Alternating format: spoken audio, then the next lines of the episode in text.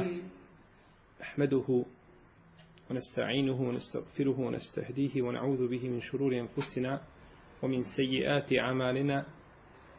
من يهده الله فهو المهتد ومن يضلل فأولئك هم الخاسرون. وأشهد أن لا إله إلا الله وحده لا شريك له وأشهد أن محمدا عبده ونبيه ورسوله وصفيه من خلقه وخليله.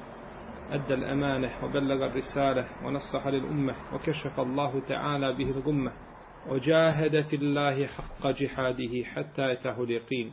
أما بعد فإن أصدق الكلام كلام الله تعالى وخير الهدي هدي محمد صلى الله عليه وسلم وشر الأمور محدثاتها وكل محدثة بدعة وكل بدعة ضلالة وكل ضلالة في النار. أما بعد باب فضل الصلاة في الجماعة ووجوبها باب فضل الصلاة في الجماعة ووجوبها poglavlje odlike namaza u džematu i njegove obaveze. Namaz u džematu ima sigurno svoje mudrosti, možda ćemo neke dokučiti svojim razumom, a druge nećemo. Uglavnom, ulema kada spominje namaz u džematu, kaže jedan od razloga zbog čega je propisan ljudima namaz u džematu jeste spajanje i povezivanje njihovih srca. I džamije nisu ni zbog čega sagrađene, nego da se u njima vjernici sastaju i da u njima rješavaju svoje probleme ovosjetske, a i prvenstveno, jeli, prvom redu da ojačaju svoju vezu sa svojim gospodarom te barake otara. Pa iz tog razloga znači propisan ujedno je namaz u džematu. I ne mogu ljudi koji dolaze u džemat i klanjaju u džematu, ne mogu biti daleki jedni od drugih. Ne mogu njihova srca biti daleka. I vjerujem da vi koji dolazite u ovu džamiju da znate mnoge pojedinosti jedni od drugima, možda neke od njih ni ne trebate znati. Ali su došle kroz to stalno druženje i dolazak i upoznali smo osobine jedni, e, jedni drugih i tako dalje. Dok to se ne bi desilo, ili relativno je manja mogućnost da bi se tako nešto dogodilo da nismo dolazili u džamiju i da se nismo sastajali u džamiji. I spomnio isto tako da je jedna od mudrosti zbog koje je propisa namaz u džematu, to da dosta ljudi dolazi u džamiju koji ne znaju propisa namaza. Pa gledaju oni koji ne znaju od onih koji znaju. Je li tako? Do, koliko je ljudi dolazilo u džamije i vi se sjetite svoga prvog dolaska u džamiju i kada niste znali klanjati, pa gledaš onoga ispred sebe šta radi. Kako on ovaj klanja tako i ti ugledaš se na njega. Pa tako znači ljudi poučavaju se ispravnom namazu ili ispravnoj formi namaza. Autor je spomenuo u ovome poglavlju sedam hadisa. Kad kažemo autor, ko je to? Abdul Gani al-Makdisi, je tako? A samo da se podsjetimo unazad dvije godine što smo počeli pričati. Govorili smo o njemu opširno. Prvom hadisu kaže An Abdullah ibn Omara radijallahu anhuma أن رسول الله صلى الله عليه وسلم قال صلاة الجماعة أفضل من صلاة الفذ بسبع وعشرين درجة namaz u džematu je bolji od namaza pojedinca za 27 stepeni. Ovo je poznati hadis koga prenosi Ibn Omar. O Ibn Omaru govorili smo u poglavlju Elistitabe. Govorili smo o njegovoj biografiji i sretali smo se sa skupinom njegovih hadisa nakon toga. U ome hadisu je dokaz da je namaz u džematu legitiman i da je šerijetom propisan. No međutim, ulema se spori oko njenog oko propisa namaza u džematu, da li je vađib ili je sunnet. Pa većina uleme kaže da je šta? Sunnet. Većina uleme kaže da je sunnet. Ti si žesto kod nas odabro žešću opciju većina uleme kaže da je sunnet. Iako je mišljenje da je vađib jače.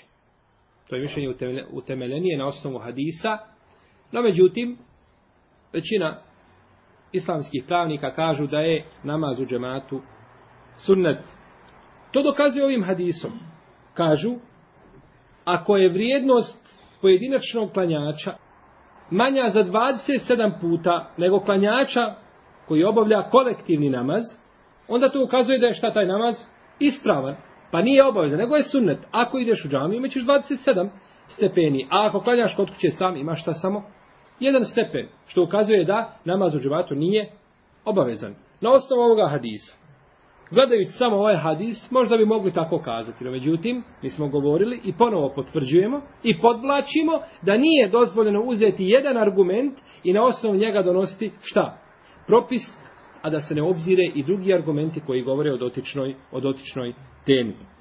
Kaže a Ibn Mulekin u ome hadisu je odgovor Davudu el-Vahiriju koji je rekao da je džemat uvjet za ispravnost namaza. Šta kaže Davud el-Vahiri? Kada bi čovjek klanjao u svojoj kući, a ne bi otišao u džamiju, njegov namaz je šta? Batil, pokvaren, neispravan. Nema namaza.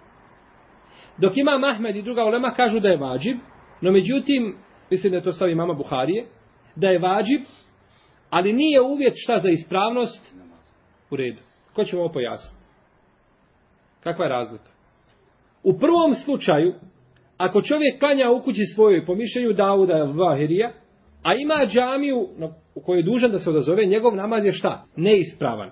Dok u drugom slučaju, ako bi klanjao u svojoj kući, namaz bi mu bio ispravan, a on bi bio šta? Griješan zbog ostavljanja vađiba. Tu je razlika, ali razlika, braćo, velika. U prvom slučaju se računa od onih koji kao da ne klanjaju. Kao da sam sebi pokvariš namaz. Dok u drugom slučaju ti imaš uh, namaz i ostaješ dalje u propisu uh, muslimana i čovjeka klanjača i sve o tome, ali se napravio šta? Jedan haram. Ni se odazvao na namaz u džematu. Došlo je u drugom hadisu od Ebu Hureyre da čovjek koji klanja u džematu, da ima 25 puta veću nagradu nego čovjek koji klanja pojedinačno. Pa je u hadisu Ibn Omara, o kome govorimo, spomenuto 27. A sada nam spominje 25. Pa su to dva prividno šta kontra diktorna hadisa. Prividno kažemo samo. Možda čak nisu ni prividno, ali eto, ako kažemo da su kontradiktorni, onda možemo braćo na to odgovoriti možda na više od deset načina.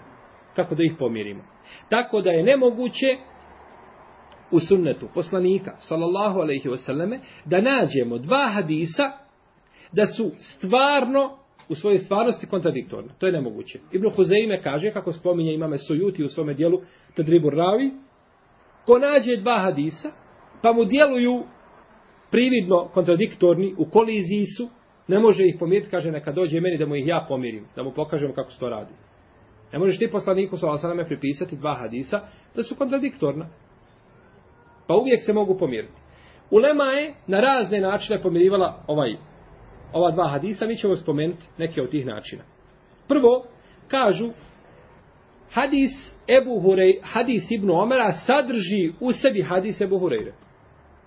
Hadis Ibn Omera koji kaže 27 puta, da je veća nagrada, sadrži ovaj šta 25. Pa ima li tu kontradiktornosti? Ako kažemo čovjeku koji je klanjao u džematu, da ima nagradu 25 puta veću nego onaj koji je klanjao samostalno, jesmo li kazali istinu? Jesmo. Ako kažemo ima 27, jesmo li kazali istinu? Ako kažemo imaš 10 puta veću nagradu, jesmo li kazali istinu? Jesmo. Sve je znači baš tako. Sve je sadržano u ti 27. Tako da neka ulema koja kaže u osnovi nema čega. Kontradiktornosti nikakve. Ali ako bi potvrdili i, i prihvatili da ima, onda odgovorimo na način da šta? Ovaj sadrži manji broj da sadrži, ovaj da je sadržan u većem broju. To je to je jedan način na koji se može odgovoriti.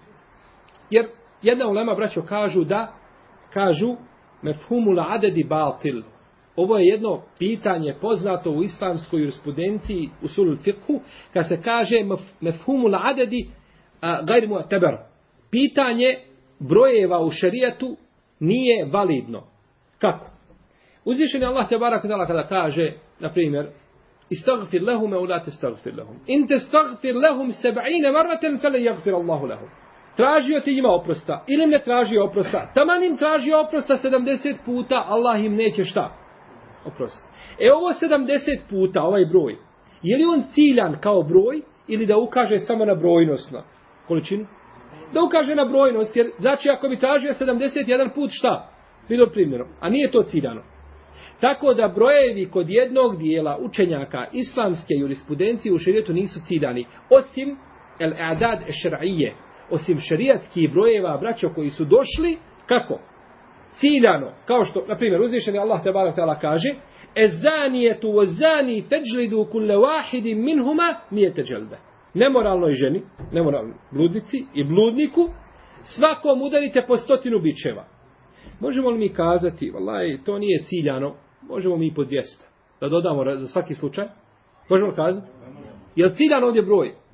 Tačno u broj. Kada bismo udjelili 99, ne bismo postupili po naredbi. Kada bismo dodali 101, bili smo nepravedni. Ili 33 puta da kažeš subhanallah, ili alhamdulillah, ili Allahu ekvar, posle namaza. Možeš li kazati 66 puta? Ili 65? Ne može. Možeš nakon toga zikri posle namaza, posle tog zika kako hoćeš, što je tvoja stvar. Ali nam zikr koji je vezan za namaz, neka bude šta po broju koji je, jer je taj broj šerijat ciljao. Tako da ne bi došlo šta? Do nerazumijevanja između brojeva, da čovjek nađe ponekad broj, pa da kaže broj nije ciljan i uradi manje od toga, od onoga što se šta traži od njega. Ne. Imamo vrijeme znači kada su brojevi ciljani, a imamo kada brojevi nisu sami po sebi ciljani. Posle pet namaza, recimo se 30 dana Ramazana. Jasno. Znači ne kaže se sigurno da se kaže jeli, 30 dana Ramazana, iako je poznato je u šarijatu jeli, mjesec kao mjesec, ali ovaj kada se kaže za iskupinu, na primjer, da je post tri dana, ti kažeš nije ciljan broj tri. Tu je ciljano da ima, pa jedan kad uradiš ti spostio. Ciljan je bio post, kad postio dva dana u redu. Upotpunite kaj sa 30 dana. Jeste. Ili upotpunite, jeli, ovaj, 30, znači, ovaj, ciljan e, to su brojevi šarijatski koji su ciljani sami, sami po sebi. I ovo je svakako ovaj e, mišljenje učenjaka, džumhura učenjaka islamske metodologije prava, jeli, uh, usul fiqh, kažu da broj sam po sebi nije ciljan u ovakvim slučajima. To spominje imam neovi od većine njih. Dalje, drugi način kako možemo pomiriti jeste da je prvo poslanik, sallallahu alaihi sallame, obaviješten od stvoritelja Azza da čovjek koji klanja u džematu da ima 25 stepeni. Pa je nakon toga naknadno obaviješten o šta? O većoj nagradi. E, obaviješten o većoj nagradi. Pa kažu da je šta? Dokinuta. Kažu da je dokinuta. Ova prva nagrada je dokinuta drugom. Za dokidanje moramo znati šta? Vrijeme, vrijeme. Kada je jedan objavljen, a kada drugi? Zašto ne bismo kazali da je hadise Buhurire došao nakon hadisa Ibn Omara? Možemo tako reći? Možemo, jer ne znamo vrijeme. No međutim, ulema koja kaže, oni kažu ne, ne, ne. Kaže, ovdje se radi o fadailul e'mal, o vrijednost, vrijednim dijelima, pa ta dijela ne mogu šta biti umanjivana. Nego i uvijek idu na više. Neće Allah žalno dati nagradu jednu, pa kaže, robovi sad ste imali tu nagradu, više nemate, zaboravite, imate manju. Nego će dati uvijek robo ima veću nagradu. Pa kaže, u ovome slučaju to ne može šta biti ovaj nikako a, uobzirano. Treći način kako možemo pomiriti opet ova dva hadisa, samo da vidite, draga moja braćo, koliko su muhadisi, koliko su brinuli o hadisima i da ih pomire i da svakom hadisu dadu njegovo pravo značenje, da ga postave na njegovo mjesto i znači da ukažu da je zaista sunet poslanika sa osame jedna kompaktna cijelina, znači u kojoj nema, u kojoj nema nikakve krnjavosti.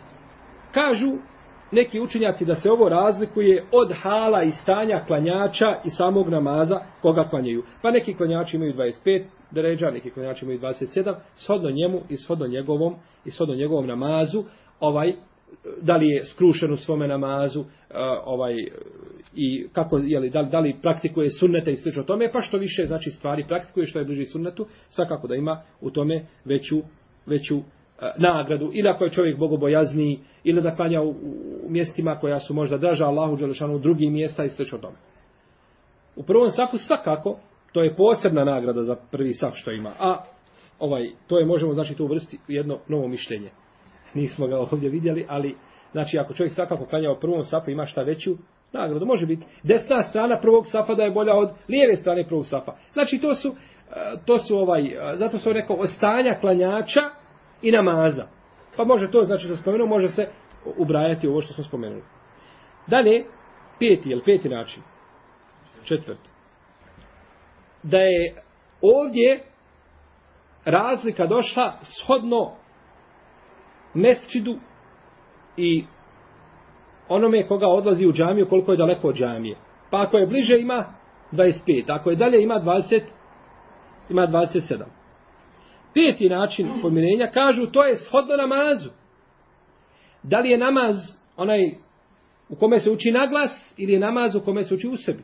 Pa kažu hadis, e, el namaz u kome se uči na glas, on je vjedniji od namaza u kome uči se u sebi. Za dvije deređe. Zašto? Kažu učenje Kur'ana na glas da ti čuješ koji si iza, čuješ učenje imama, pa dobiješ šta jednu deređu za razliku od namaza kada učiš šta? U sebi. I druga stvar kaže, govoriš amin na glas sa imamom, a čije se aminovanje poklopi sa aminovanjem imama, šta biva? Jeste, bit ćemo, pa to je opet deređa. E, kažem, to je ste dvije deređe. To je te dvije deređe koje se razlikuju između šta? Namaza koji su, ovaj, eh, koji su, kojima se uči u sebi, namaza u kojima se uči na glas. Šesto, ili šesti način pomirenja, jeste, kažu, a, da je to čekanje od namaza do namaza. Pa čovjek koji ostane u džami da čeka drugi namaz, ima 27 deređa. A onaj koji ode sa akšama pa se vrati na jaciju, ima 25. Jer onaj koji sidi u džami, šta on je? On je bolji, on iščekuje između namaza, od namaza do drugog namaza. Sedmi način pomirenja jeste da kažemo da se prvi hadis koji govori o 27 deređa odnosi na sabah i na jaciju. Jer se meleki dana i noći skupljaju na tim namazima. Pa kažu zbog meleka dana i noći imamo šta dvije deređe. Imamo dvije deređe veće. Drugi kažu da se to odnosi na sabah i na ikindiju, jer došlo je da se i tu meleki skupljaju. Pa kažu, to je ta razlika. To je osmijel način. Deveti način pomirenja jeste da se prva nagrada od 27 deređa odnosi na one koji klanjaju džamiju u džematu. A 25 ako klanjaju mimo džamije. Na nekom otvorenom mjestu, klanjaju u kući, u nekoj hali, na radnom mjestu gdje rade i tako dalje. Kažem, to je razlika je tu u te dvije šta deređe. Deseti način pomirenja jeste da kažemo da ovo braće nam izbija onda svaku šubhu da postoji šta? Bilo kakvo razilaže, e, jeli, bilo kakva kolizija među hadisima. Da kažemo da se prva nagrada od 27 deređa odnosi na čovjeka koji stigne namaz sa početog tekbira, sa imamom. A 25 onome koji zakasni, prvi, drugi, dođe na treći rekat, on je zakasnio, nije stigao iz početka, njemu 25, a onome koji je stigao šta? 27. 11. način pomirenja između ovih hadisa jeste da se kaže ko klanja u velikom džematu ima 27, gdje je brojnost velika, a ko klanja tamo gdje su po džamijama, ko u nas dvojica, trojica, peterica, i imaju 25 stepeni. Dakle, ovo su neki načini pomirenja, još je neke načine u nema spomnjalo, no međutim, ovo zaista što smo spomenuli, znači, ovaj negira bilo kakvu šubhu ili sumnju da između ova dva hadisa postoji bilo kakva kolizija.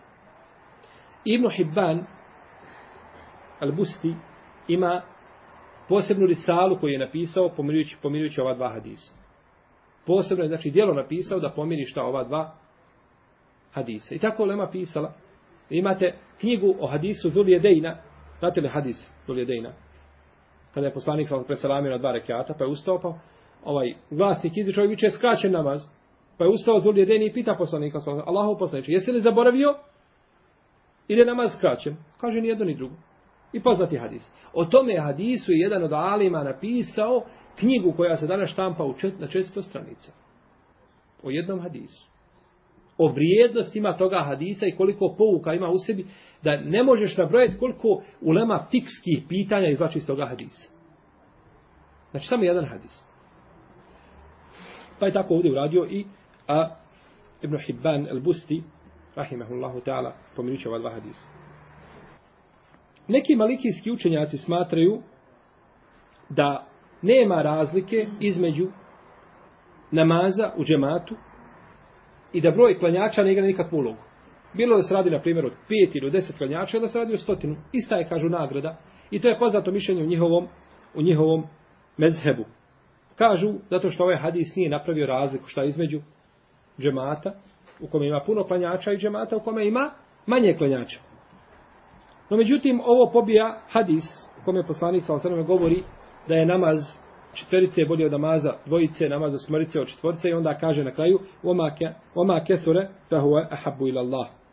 I što se god njihov broj povećava da je to draže Allah. Nema sumnje da namaz ima više klanjača gdje se ljudi više odazivaju da je uz Allahu pomoć da je vrijednije od namaza gdje se ljudi ne odazivaju u tom broju u džamiju, jer je to džemat, Allahova je milost nad džematom i rahmet njegov nad džematom i tako dalje, pa nije znači daleko kazati da je sigurno ili da čak i da garantujemo da bi se možda pogrešilo da takvim ljudima pripada veća, veća nagrada kod uzvišenog Allaha te barake o teala. Ovaj hadis, neki su mu prigovarali, no međutim, ocenio ga vjerodostojnim imam Ibn Hibban, imam El i druga ulema. Ulema se razilazi da li ova nagrada pripada zbog džemata ili zbog džamije. Zbog džemata, samo kao džemata ili zbog džamije. Pa kaže imam El Kurtubi da je ispravnije mišljenje da se to odnosi na džemat. Nije zbog džamije, nego zbog džemata. Zbog vrijednosti džemata. A što god više čovjek pješači i što god više ima poteškoća i što god više iščekiva između dva namaza, da ima šta veću, ima veću nagradu. To je znači dodatno, dodatno na ono što je čovjeku već urađeno. Jer čovjek koji okupa se petkom i e, ovaj ode u džamiju i sluša, bit će mu oprošteno šta? Što je počinio od do naredne džume. A dobro sad ono što hoda, šta će ono što hoda do džamije, šta će mu to opraštati? Diže mu stepene. Ovo je oprostilo i hodanje ti diže stepene. Jer nema više šta, to je oprošteno čime? Kupanjem i što slušao u džamiju i što slušao imama, što se približio blizu imamu i slušao pažljivo, pažljivo imama, svejedno dopala, dopala ti se hudba ili ne dopala. To nema veze. Tvoje je da slušaš. Pa ako imaš opasku posle hudbe da porazgovaraš sa imamom, ne smeta. A za vrijeme hudbe ti šutiš. I nakon toga hodanje biva povećanje stepeni, povećanje deređa. I razilazi se u lema da li vrijedi isto čovjeku da taj namaz obavi u džamiji kao da ga obavi na nekom drugom mjestu. Šafijski pravnici kažu da je time ciljana džamija. No međutim, drugi su kazali suprotno tome. Ibn Abdel Bar u svome dijelu Temhid, u osmom tomu, i u svome dijelu Aristitkjar, u petom, kaže, razješla se ulema što se tiče namaza u džematu u Ramazanu, jeste na teraviju. Da li je bolje klanjati u džamiji ili je bolje klanjati u kući? Pa kažu Malik i Šafija da je u Ramazanu teraviju bolje klanjati gdje? U kući da je teraviju u Ramazanu bolje klanjati šta u kući nego u džamiji.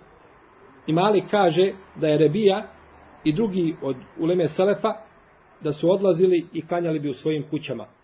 I kaže imam Malik i ja to činim isto tako. Imam Šafija dokazuje ovaj stav hadisom poslanika sallallahu alejhi ve selleme koga prenosi Zaid ibn Sabit i koji je kod Buhari i kod Muslima da je rekao Allahov poslanik sallallahu alejhi ve selleme o ljudi klanjajte u svojim kućama kaže najbolji namaz čovjeka jeste u njegovoj kući osim propisano. Ulazi li ovo i taravija? Ulazi. Ulazi. Znači sve je bolje nego propisani namazi u džamiji. Kaže naročito ako je to vrijedilo za poslanikov sa sam džamiju gdje je posebna nagrada. Pa šta on kaže za druge džamije? Ako poslanikov sa sam džamiji jedan namaz jedi hiljadu namaza, bolje je da se klanja šta u u kući, šta je onda sa drugim? Šta je onda sa drugim džamijama. I to se prenosi Ibn Omara i Salema i Kasima, i Ibrahima i Nafije i drugi da su klanjali u svojim kućama. Dakle, kada dođe naredni Ramazan, šta? Klanjat ćemo? Kod kuća, jel? Ovo je mišljenje, znači braći koje je poznato u fiku. Iznosimo znači mišljenje jedno koje je poznato u fiku. Kaže drug, skupina kasnije učenjaka, i to je stav uh, učenjaka e, Ebu Hanife i neki učenjaka šafijske pravne škole i odobroga imam El Muzeni, da je čovjeku bolje da klanja u džamiji u Ramazanu. I to je stav mama Ahmeda. I to je praktiko Sa'id ibn Džubeir. Sa'id ibn Džubeir. Ovi učenjaci kažu da je bolje klanjati teraviju u džamiji. Poslanik sallallahu alejhi kada je klanjao u džamiji, je li klanjao u džamiji teraviju? Koliko? Tri? Tri večeri. Nakon toga nije izlazio bojeći se šta da se ne propiše. Ali je izlazio znači u džamiju i klanjao bojeći se. I nakon toga ashabi u vrijeme Ebu Bekra su klanjali u džamijama ponaosob.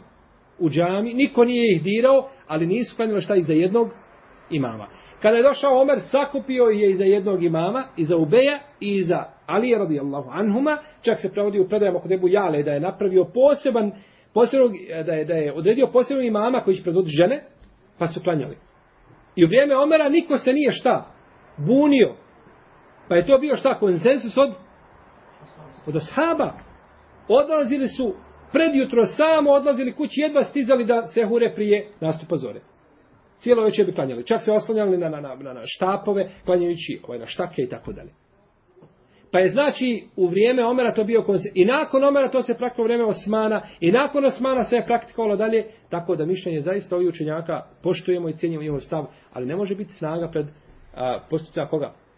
Ashaba poslanika sallallahu alejhi ve Prvo poslanika sallallahu alejhi koji nam je kazao zašto nije izišao četvrto veče da klanja, a nakon toga zbog prakse ashaba poslanika sallallahu alejhi ve selleme koji su se za vrijeme Omara okupili oko jednog imama i to je bio konsenzus ashaba i nije bilo poznato da je neko radio suprotno tome. Ne znam da li nije smio od Omara ili drugog nekog razloga. Uglavnom, oni su klanjali iza Omara, a nama je sunnet Omara preči od sunneta drugih. Tako da, neko, ko bi klanjao ima nagradu, no međutim ispravnije i preče i bolje klanjati Ramazan, braćo, teraviju džami.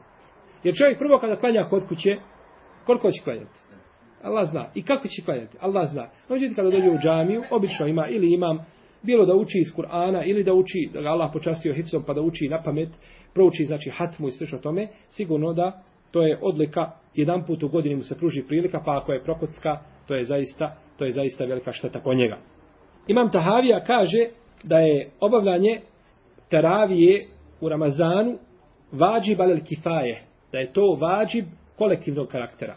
Da mora jedna skupina doći. Ne moraju svi. Neki mogu po kućama, ali mora biti skupina koja u džamiji, koja šta? Klanja u džamiji. Ne može se ostaviti džamija šta? Pusta. Šta mislite o Ramazanu, braća, posle jacije, svi odoše kući. Odoše kući klanjati džamije pusta.